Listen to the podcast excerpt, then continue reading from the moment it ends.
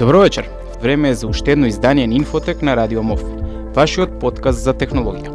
Вечерва наша и ваша тема ќе биде говорот на омраза во интернет просторот, новите медиуми како порталите, слободата на говорот на интернет, регулативата, но и состојбата со лажните вести и исправувањето со нив. Какви се придобивките од појавата на голем број нови социјални мрежи кои се достапни за сите? Дали од платформи за споделување искуства и дружба сега се претворени во место за продажба, лажни наградни игри, но и ширење омраза, ксенофобија и лажни вести. Новие и други теми од областа на електронските комуникации, гостин во емисијата е Стефан Јефтиќ, млад дипломиран политиколог и прв човек на Инрегом, Институтот за развој на електронските комуникации, но пред се личност која е влюбена во електронските комуникации, мас-медиумите и новите начини на поврзување. Со Стефан вечерва ќе позборуваме и за развојот на мобилната технологија како дел од нашето секојдневие. Дали ќе бидеме уништени од 5G мрежата? Вечерва ги демистифицираме сите тие тврдења кои се присутни во јавната сфера Но прво ќе отпатуваме до далечната 1989 година, за да се подсетиме на безвременскиот хит на Пили Джоел и неговиот култен албум Stormfront. Ја слушаме We Didn't Start the Fire на Радио Мов. Останете тука.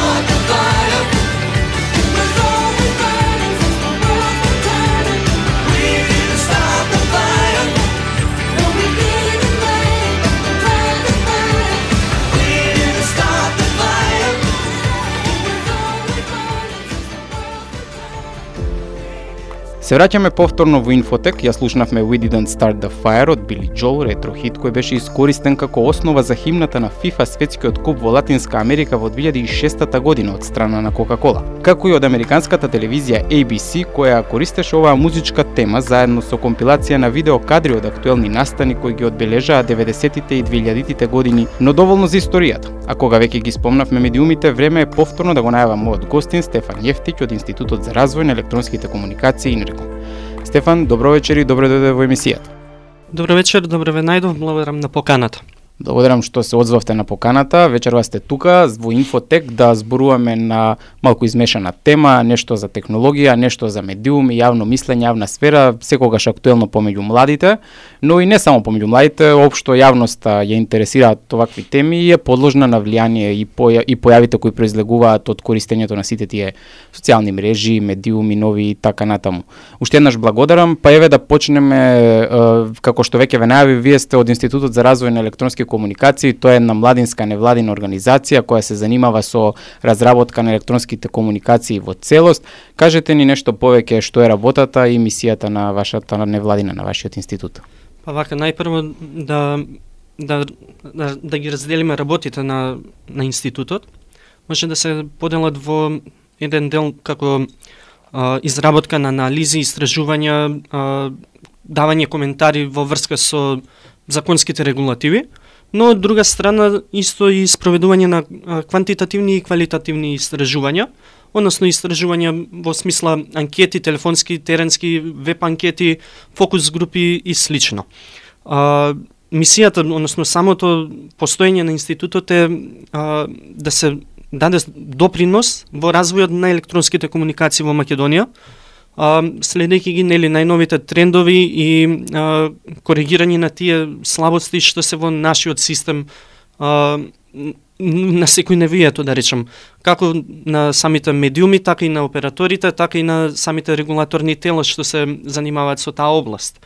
А, исто така целта е нели доближување до тие високи европски стандарди што ги има во во Европа да да ги донесеме овде и да конечно понудиме на граѓаните некакви подобри услуги во во дело на електронските комуникации. Во неформалниот дел пред емисијата спомнавте дека вашиот институт постои веќе пета година, ако не сум грешка, така? Да, да. А, како дојде до идејата за формирање на ваков субјект? А, институтот е а, основан август а, 2018 година. А, во него, нели, како основачи се јавуваат млади политиколози и млади новинари, секој нели во стручен во својата област, но пред се заедничко е а, како што реков, нели, комплотот на политиколози и новинари со заедничка а, пасија кон новите технологии, кон медиумите, кон електронските комуникации или накратко накратко кажано како љубов кон а, информатичкото општество, нели кон кое се стремиме ние како нови генерации. А, идејата нели е да се даде и некаква поддршка кон а, развојот или заштитата од сајбер безбедноста, а, приватноста во електронските комуникации, сајбер булингот, а, спречување на говор на омраза, да речеме и слични полиња кои ни се во интерес на работата. А, добро, пет години како што кажавте веќе постоите, веројатно некој некое медиумско присуство до сега сте изградиле, аз колку што можев да видам кога ја подготвував емисијата, а, ви имало на неколку релевантни медиуми како МИА, Македонска информативна агенција. Значи, веќе вашава работа е пласирана во медиумите, како што кажавте и самиот, станува збор за теми кои ги обработувате од областта на технологијата, безбедноста, медиумите и е, електронската сфера воопшто, односно електронските комуникации, како што и назив носи ваше воздружение. пет години работа, веројатно доволен период да земете некаков увид во состојбите и предходно и во последните пет години. Како оценувате ве технолошката состојба а, односно технолошкиот напредок во областа на медиумите во Македонија во изминативе 10 години? Дали а, е некое задоволително ниво кое може да речеме дека ќе не однесе на европскиот пат, та дигитална агенда и така натаму? Па, ќе дадам лично мислење дека статус кво, дека некако застануваме во место, мр, не мрдаме на, на напред. Иако во моментов се работат законски измени на Законот за медиумски услуги, сепак сметам дека има уште доста да се направи а, не толку во законската регулатива, колку во самите медиуми. А, реално понудата што ја имаат, а, зборувам за класичните медиуми како телевизиите, пред се, а, тука имаме недостаток на оригиналност во нивната програма, мислам дека имаат за останато веќе десетина години а, не се обидуваат да понудат нешто ново во, во истото, во сферата што ја работат. А, од друга страна, ајде да речем, некласичните медиуми, новите медиуми, а, мислам дека газат со брзо темпо нанапред. Треба тука... ли регулација? Тука зборуваме за порталите, веројатно како составен дел од социјалните мрежи преку кои тие ги пласираат своите содржини, а Знаеме дека нели социјалните мрежи се една алатка која луѓе во па веќе од 7 до 77 години ги ги користат за дали да се информираат, забавуваат, ќе зборуваме малку подоцна во емисијата за за што се се употребува и злоупотребува.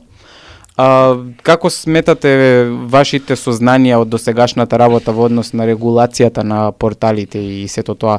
А, каде е Македонија на светската мапа? А, реално а, во Европа нема конкретна регулатива во однос на медиумите, новите медиуми како што се веб порталите и социјалните мрежи.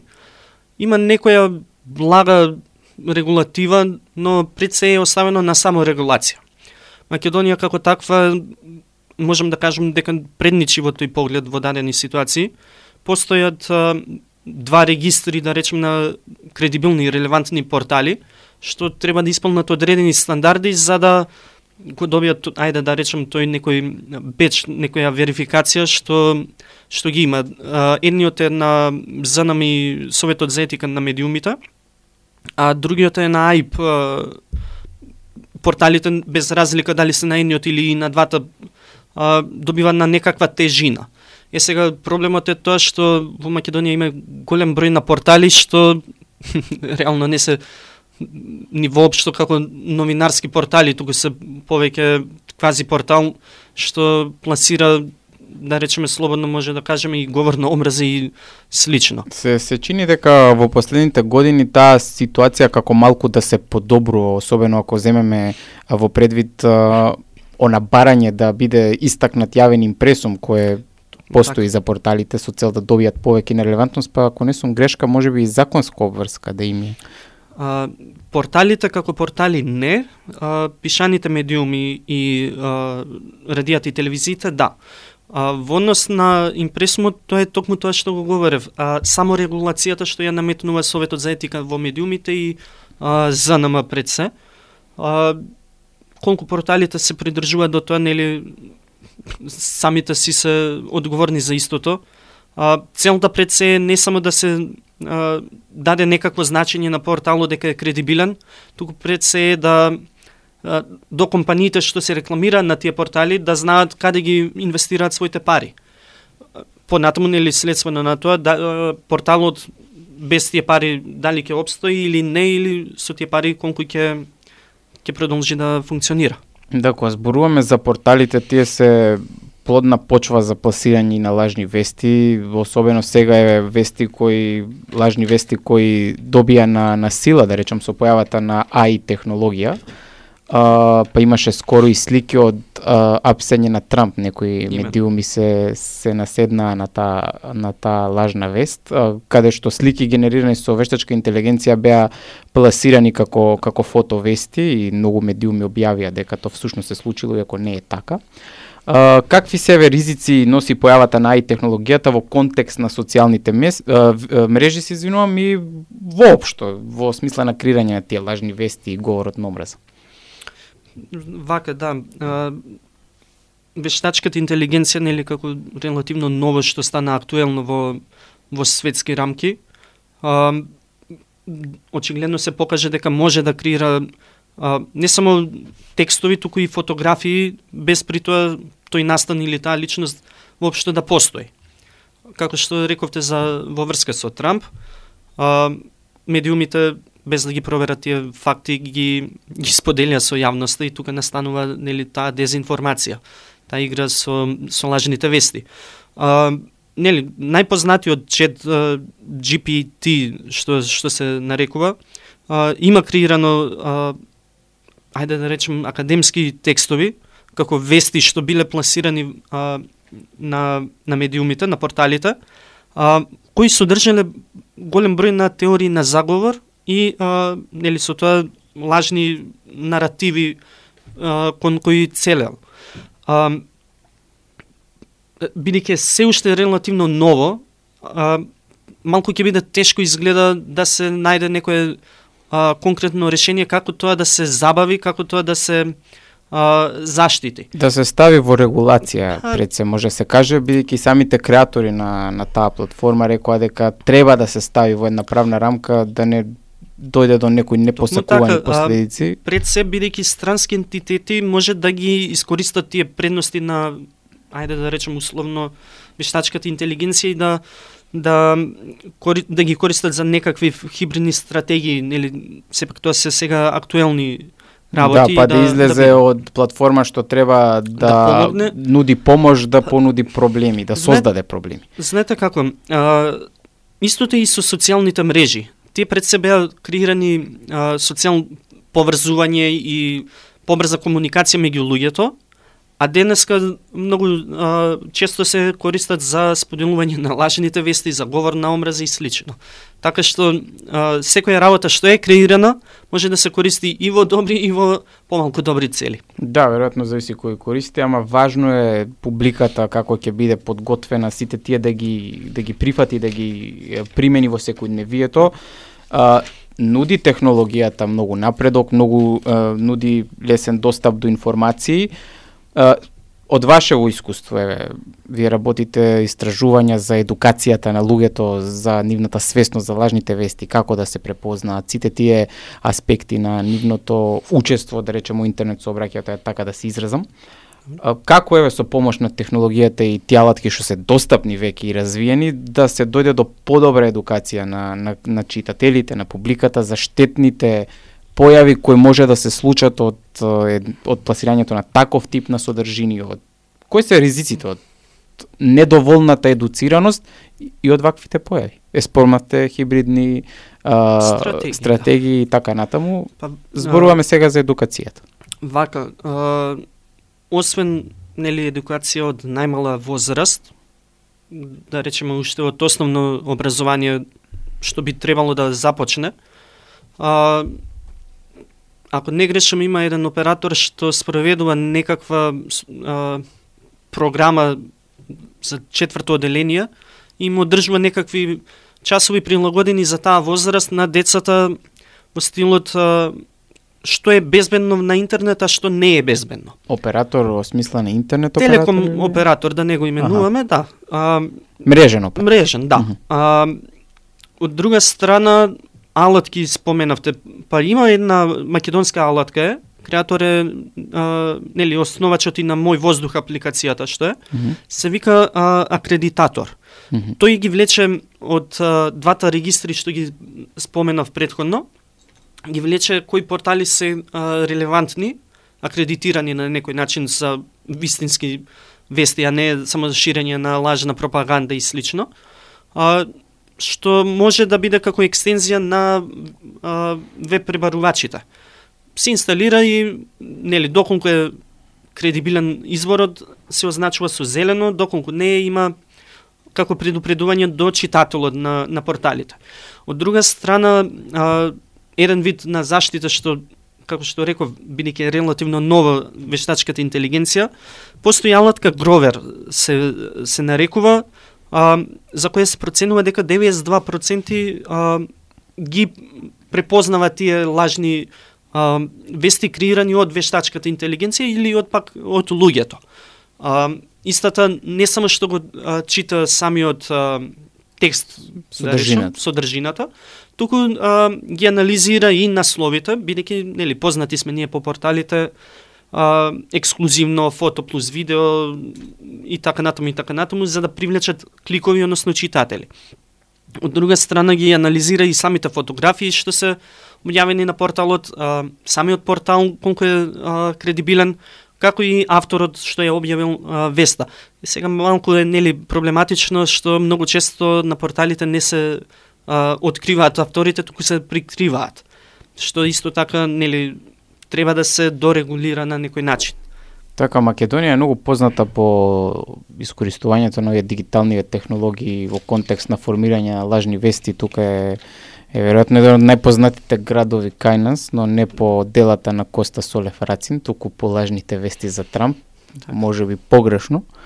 А, многу велешани искористија добар начин да заработат добро, веројатно не толку грижејќи се за контекстот што го пласираат како содржина, туку повеќе за материјалниот дел и може би велешани први на едно глобално ниво ја придвижија таа работа за регулација на тилажни вести, односно за нивна контрола и за Па за опасноста, не дека Трамп бил избран поради тоа што велешани пласирале такви вести, а, туку во контекст на тоа до каде може сето тоа да оди. Гледам и денеска во еден глобален контекст, нема да навлегуваме во политички теми, ама каков каков ризик представуваат всушност лажните вести, дека може а, да представуваат една искра за посериозно разгорување на било кој конфликт кој е актуелен во светот.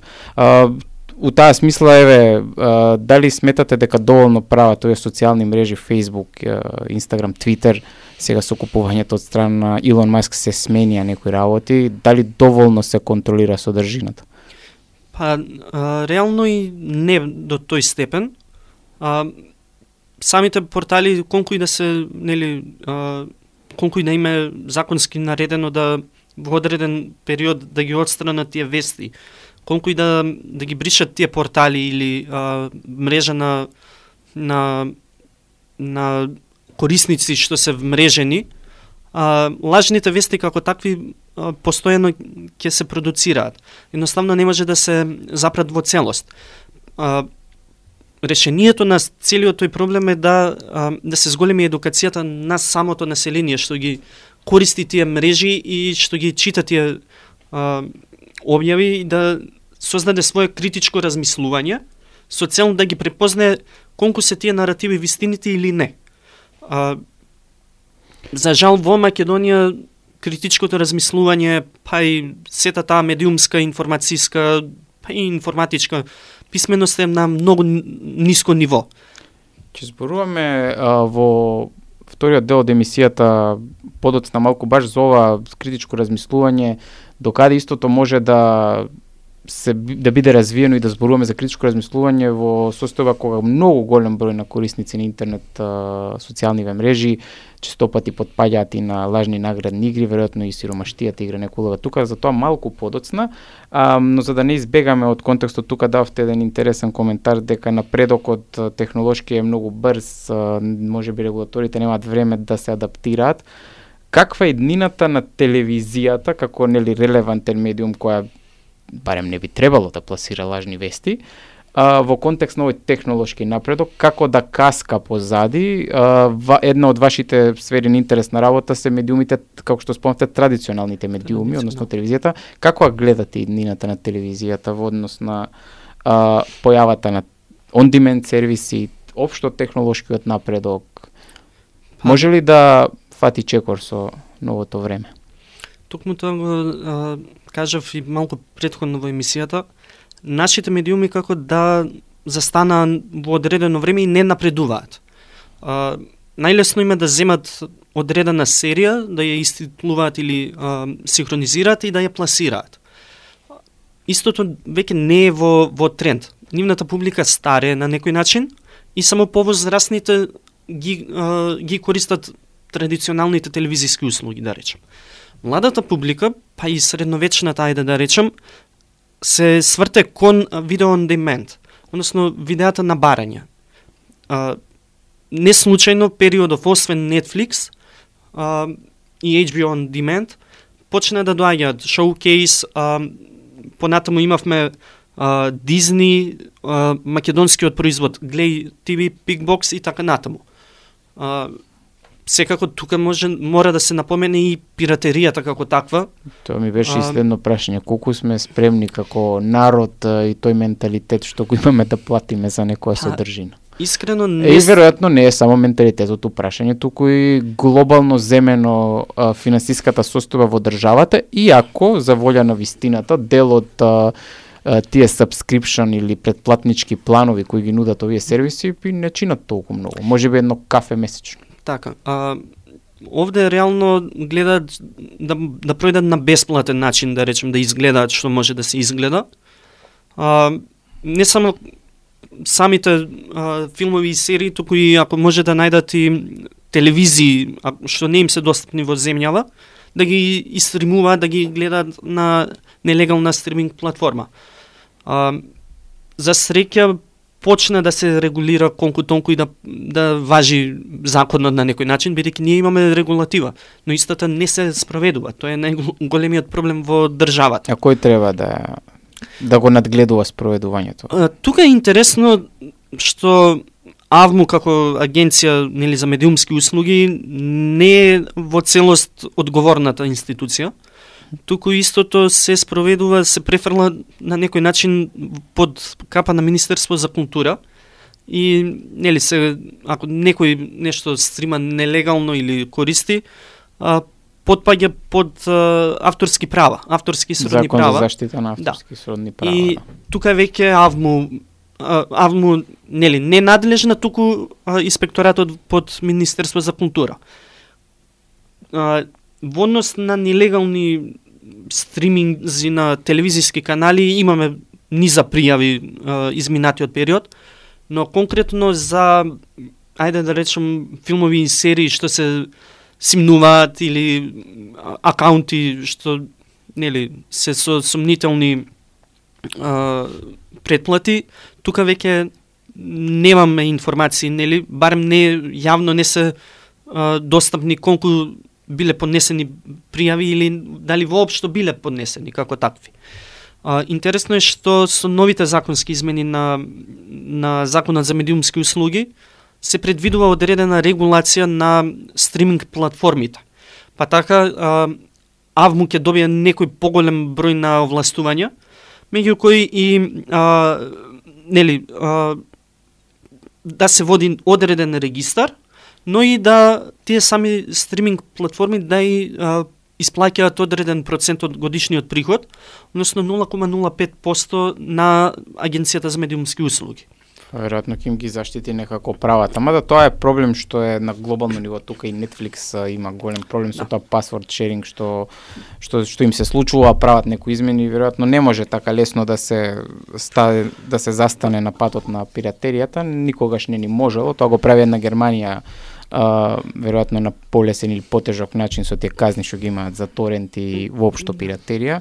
Далеку сме ние, мислам дека од, од нив за сега. За сега. А, далеку сме од нив уште во еден сегмент што го следи вашиот институт, тоа е мобилната технологија. Вие правевте истражувања, читав и на ITMK, некои споредби на цени, а, мислам ваше издание беше Да. на, на медиуми беше пласирано, споредба на цени, споредба на пакети, општо анализа на тоа како работат мобилните оператори, а, како е подкаст што се занимава со технологија, тоа нас секогаш ни интересира. Една од првите епизоди, тоест првата епизода беше за укинувањето на роамингот во Западен Балкан.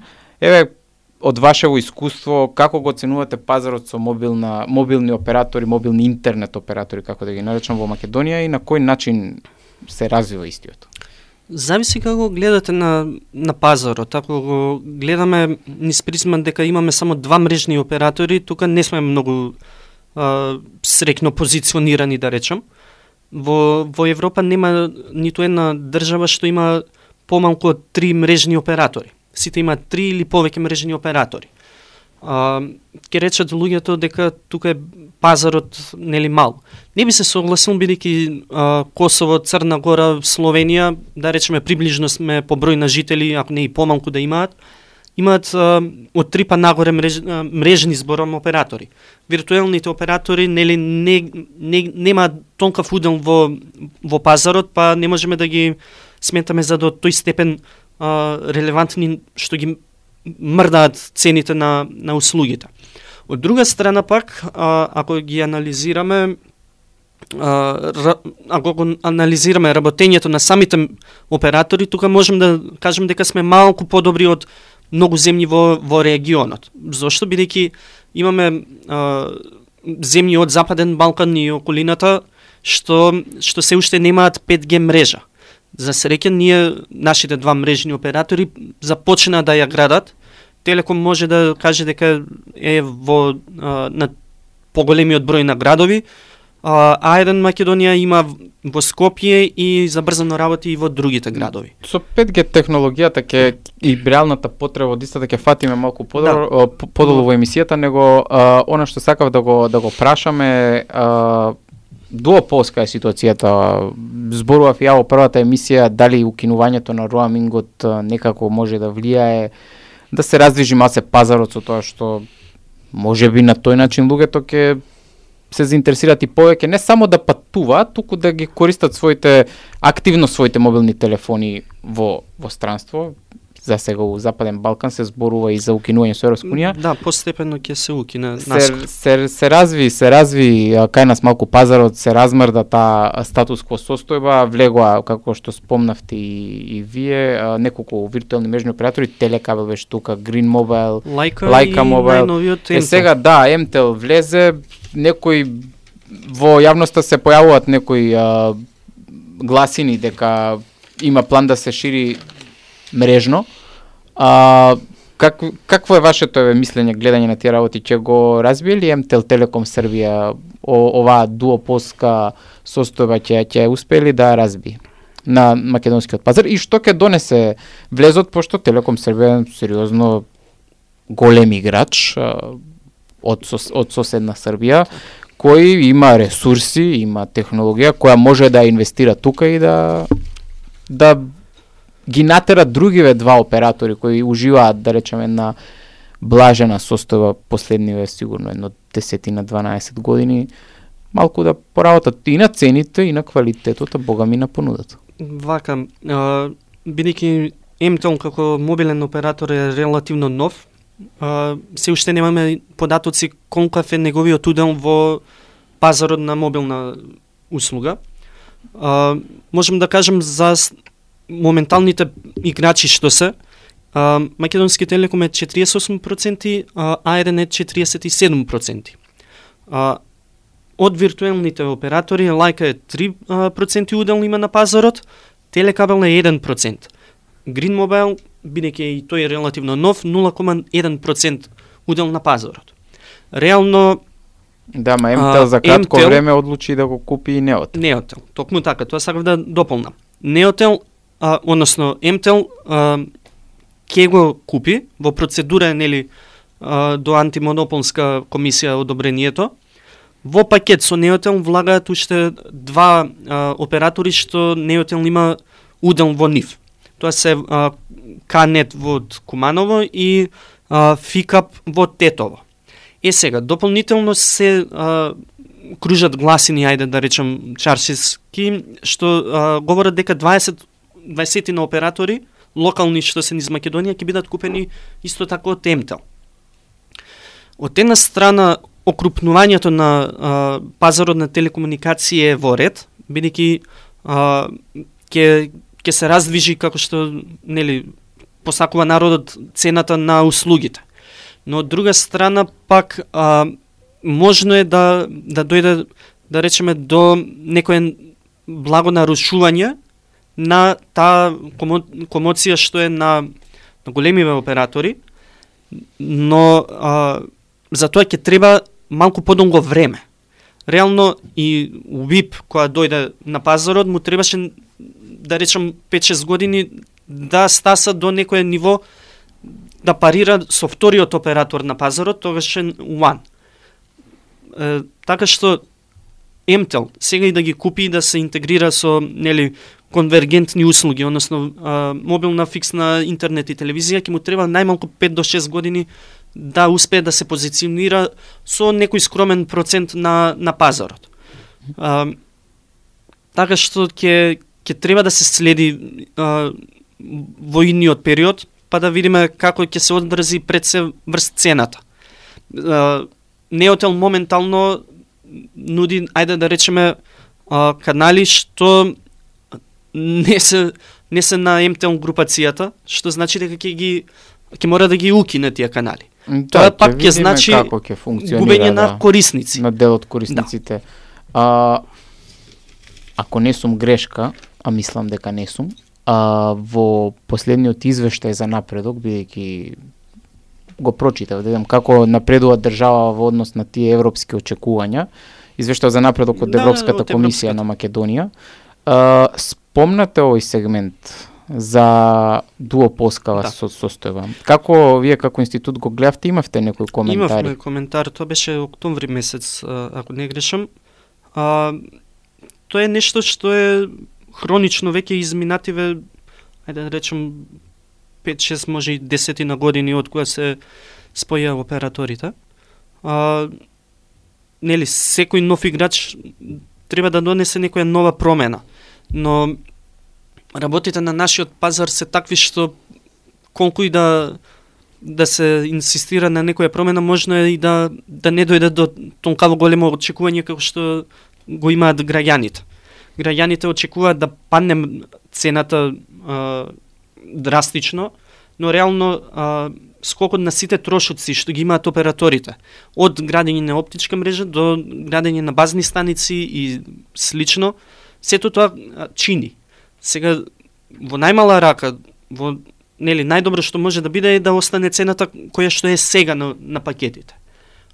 Доколку дојде МТЛ и сето тоа нели се развие како што треба, не верувам да се намалат цените, да речем како што беа пред десетина години. Туку во најмала рака да останат истите. Да се зголеми единствено а, понудата на на бројот на канали, да речем на бројот на гигабајти и слично. Зависно нели во од услугата.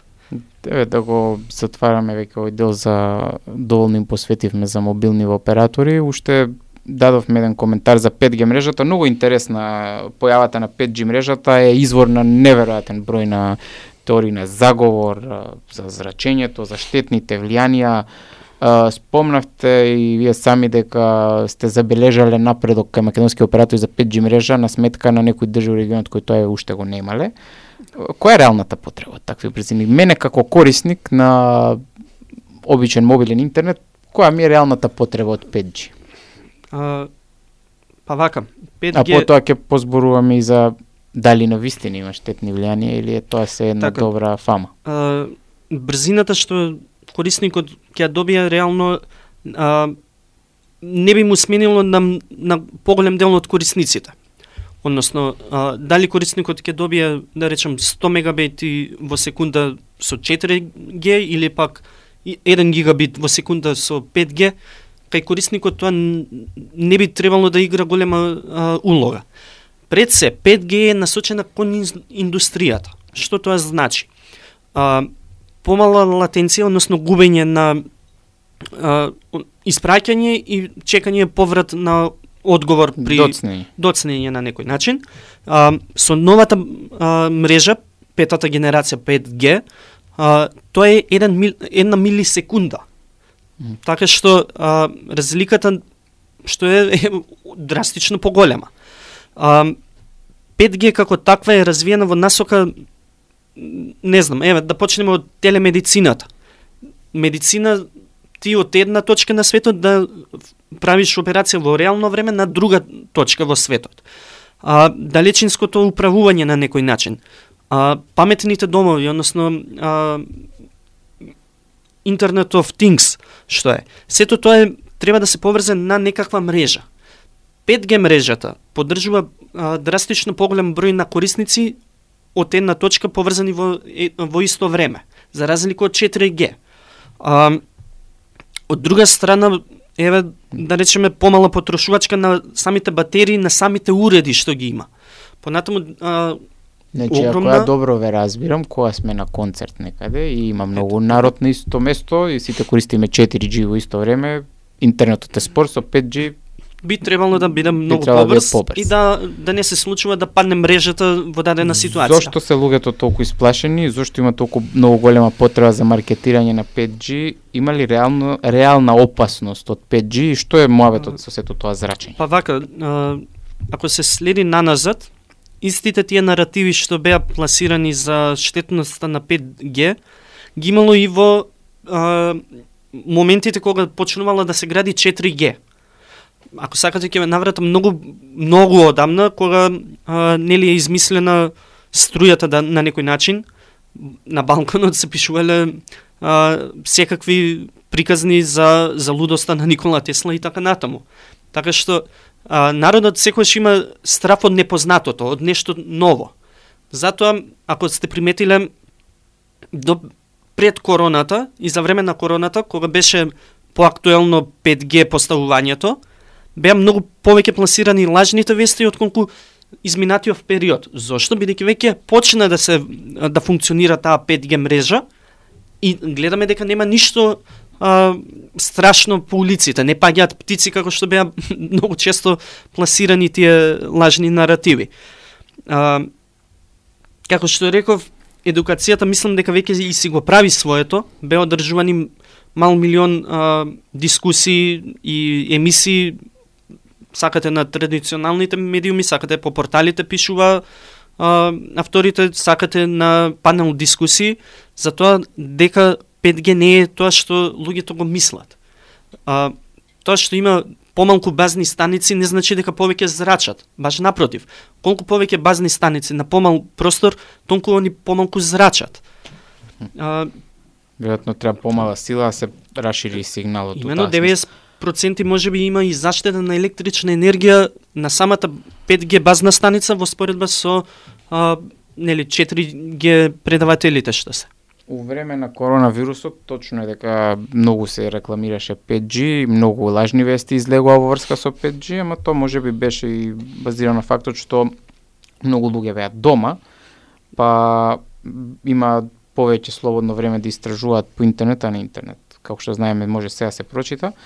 А, ќе зборуваме за коронавирусот, ама од смисла на навиките, веќе сме и при крајов на емисијава, на навиките на луѓето, како се сменја навиките кога е во прашање дигитализацијата воопшто? На некој начин се дигитализиравме, фативме чекор Со со сила. Со, со сила, да. Кај нас се Мораше да се убрза процесот. да се ма. да се бутне за да тргне. А, почнавме да користиме електронски услуги, па и самата влада на некој начин дигитализираше низа услуги што што беа потребни претходно нели да се појде на шалтер и писмено да се поднесуваат. Сега истите преку услуги GovMK може многу побрзо да се поднесат и да се изнадат истите. Од друга страна почнавме да користиме електронско банкарство па научивме дека може и онлайн да се плаќаат сметки, наместо да се оди на шалтер и да се расправа со со а, нели вработените од банката. Од друга страна а, дојде нели и работата од дома, па така свативме дека не секоја работа мора постојано да е во канцеларија, туку може постои одредена флексибилност и освен во времето, во врем, временска рамка да речем, може и на со локацијата. Така што сите тие работи се не на некој начин одредена а, бенефит од короната условно кажано. Да, и вашава невладина ја фати и, Да, ние- и реком ја, ја фати таа тој коронавирус, Да. па сменивте веројатно нешто а, во вашето работење. Како сега вашава работа ја насочувате да информира, ако убаво ве разбрав уште на почетокот, и да помага на граѓаниве полесно и побрзо, односно не полесно и побрзо, веројатно да бидат поинформирани за придобивките, обврските и последиците од нивното однесување на интернет, ако убаво го формулирав тука. Така. А, и не реком има за цел нели пред се да ги едуцира луѓето. А, токму затоа освен тие истражувања што ги изработуваме и ги даваме како коментари на случувањата, и реком се стреми да врз анкетите што ги правиме и, врз од кои извлекуваме одредени заклучоци, а, се стремиме да направиме некоја едукација не само со помладата публика, бидејќи сметам дека не се они толку а, проблематични во Македонија колку постарите генерации што а, веруваат на буквално било што да прочитаат. Затоа едукацијата кон истите не само а, да речам со видео кратки видео спотчиња или со флаери треба едноставно а, со панел дискусии да се слушне нивното мислење и да им со аргументи да се побијат нивните а, верувања што се базираат на непроверени факти и лажни вести. Во иднина, како планирате да продолжите да работите? Може би коронавирусот е веќе остана зад нас како обштествена и социолошка појава, како економска може би се уште трае. Имате ли планови за иднината, нешто ви помага државата, не ви помага?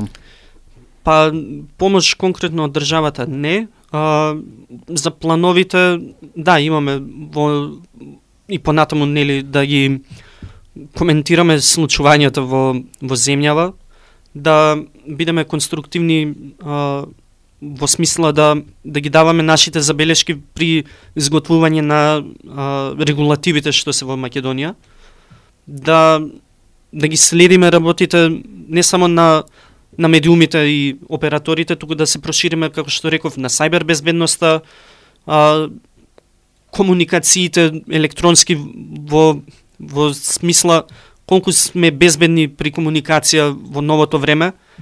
А, понатаму да да помагаме при развој и едукација на луѓето за користење на електронските услуги. Бидејќи факт е дека а, околу 15% од населението ги користи услугите што што се а, на порталот Гов а, услуги GovMK. Така што сметам дека имаме уште многу простор а, да помагаме. Само а, знаете како не е самите ние само да наметнуваме. Потребно и другата страна да да го препознае тоа и да го прифати како такво. А, зборувам во смисла а, кој ќе се поднесе некаков предлог на проект. Истото да биде разгледано и поддржано во смисла а, колку нели колку што се може за да ни се искочи и на нас во пресред на некој начин. Предходните проекти сите тие биле на на само финансирање на некој начин. Така, така. Нас а, не слуша публика што е веројатно просек 20, 22, 3, 5 години преку сила. Нив што ќе им порачате? Тие активно користат социјални мрежи, често биваат при помлада публика, често биваат предмет на злоупотреба. Денеска зборувавме за една тема што е можеби повеќе ќе интересира и постарата публика, медиуми, лажни вести и такви работи. За младите што се инаку слушатели на нашиот подкаст, како да си го заштитат своето интернет присуство, како да не бидат нивните податоци злоупотребени, што треба да имаат во предвид а, пред секое стискање на сент, на некоја фотографија или на некоја личен податок или на некоја содржина, што треба да имаат во предвид за да не бидат злоупотребени. И со тоа ќе завршим. А, најпрво треба да знаат дека а, интернет просторот не е истото што и надвор. Треба да знаат да разликуваат јавна и приватна сфера. А, споделувањето на буквално секакви а, податоци за себе најпрво, на профилите, да не коментирам понатаму а, одредени фотографии или видеа со личности што не ги познаваат или сметаат дека ги познаваат, а реално не се до тој степен блиски, тука настанува нели самиот тој проблем со кој они се соочуваат. А, да внимаваат при комуникацијата, бидејќи сајбербулингот, односно виртуалното насилство на некој начин, е присутно и а, за истото добар дел од луѓето молчат. Односно, младите молчат. Треба да се започне да се разговара. Ако не можат со а, нели нивните најблиски дома, нека почне да разговараат со пријателите или со пак а, бидејќи се нели на и во средно школо има многу што се жртви на сајбербулинг, да разговараат со наставници, со а, психолози и слично. А, доколку им се украде некој личен податок или сметат дека им е злоупотребен, да си се обратат соодветно до агенцијата за заштита на лични податоци. Понатаму они ќе ги насочат нели доколку е потребно до до други инстанции. Така, може да се обратите и до СОС детското село доколку се помлади личности и вие ќе поработите малку повеќе на едукација како невладин сектор и државата на едукација како владина иста инстанца и собранието како нели тело на граѓаните на одлучување во рамки на својата законска регулатива. Денеска се надевам бевме доволно а, едукативни, интересни да фрлиме а, светло на една тема за која често се зборува кај нас, но изгледа дека тешко се менуваат навиките и се надевам дека у период кој следи луѓево и општо и младите и повозрастните ќе можат појасно да ги согледаат работите и да сватат дека своето а, присуство на социјалните мрежи или тој коментар што ќе го напишат или таа слика што ќе ја злоупотребат или податок, а не е нивен, а, некому прави голема штета, некогаш не мора да значи дека тоа поединец, туку може да биде и цела група. Па. А, токму така, а, изминатиот период може да прочитаме дека се поднесуваат пријави поради говор на омраза и навреди на социјалните мрежи. А, луѓето очигледно не прават разлика, односно тенка е границата помеѓу слобода на говор и говор на омраза. И треба да се разграничи едното со другото. Така е, Стефан Јефтич, Институт за развој на електронски комуникации. Благодарам што вечерва бевте дел од емисијата. Благодарам на поканата уште еднаш. Тоа беше Инфотек на Радио МОВ. Ова беше четвртата епизода. Ви благодарам што не слушавте и овој пат. Се слушаме повторно за две недели. Благодарам на Кире позади миксетата и на Радио МОВ за продукцијата на емисијата. До слушање.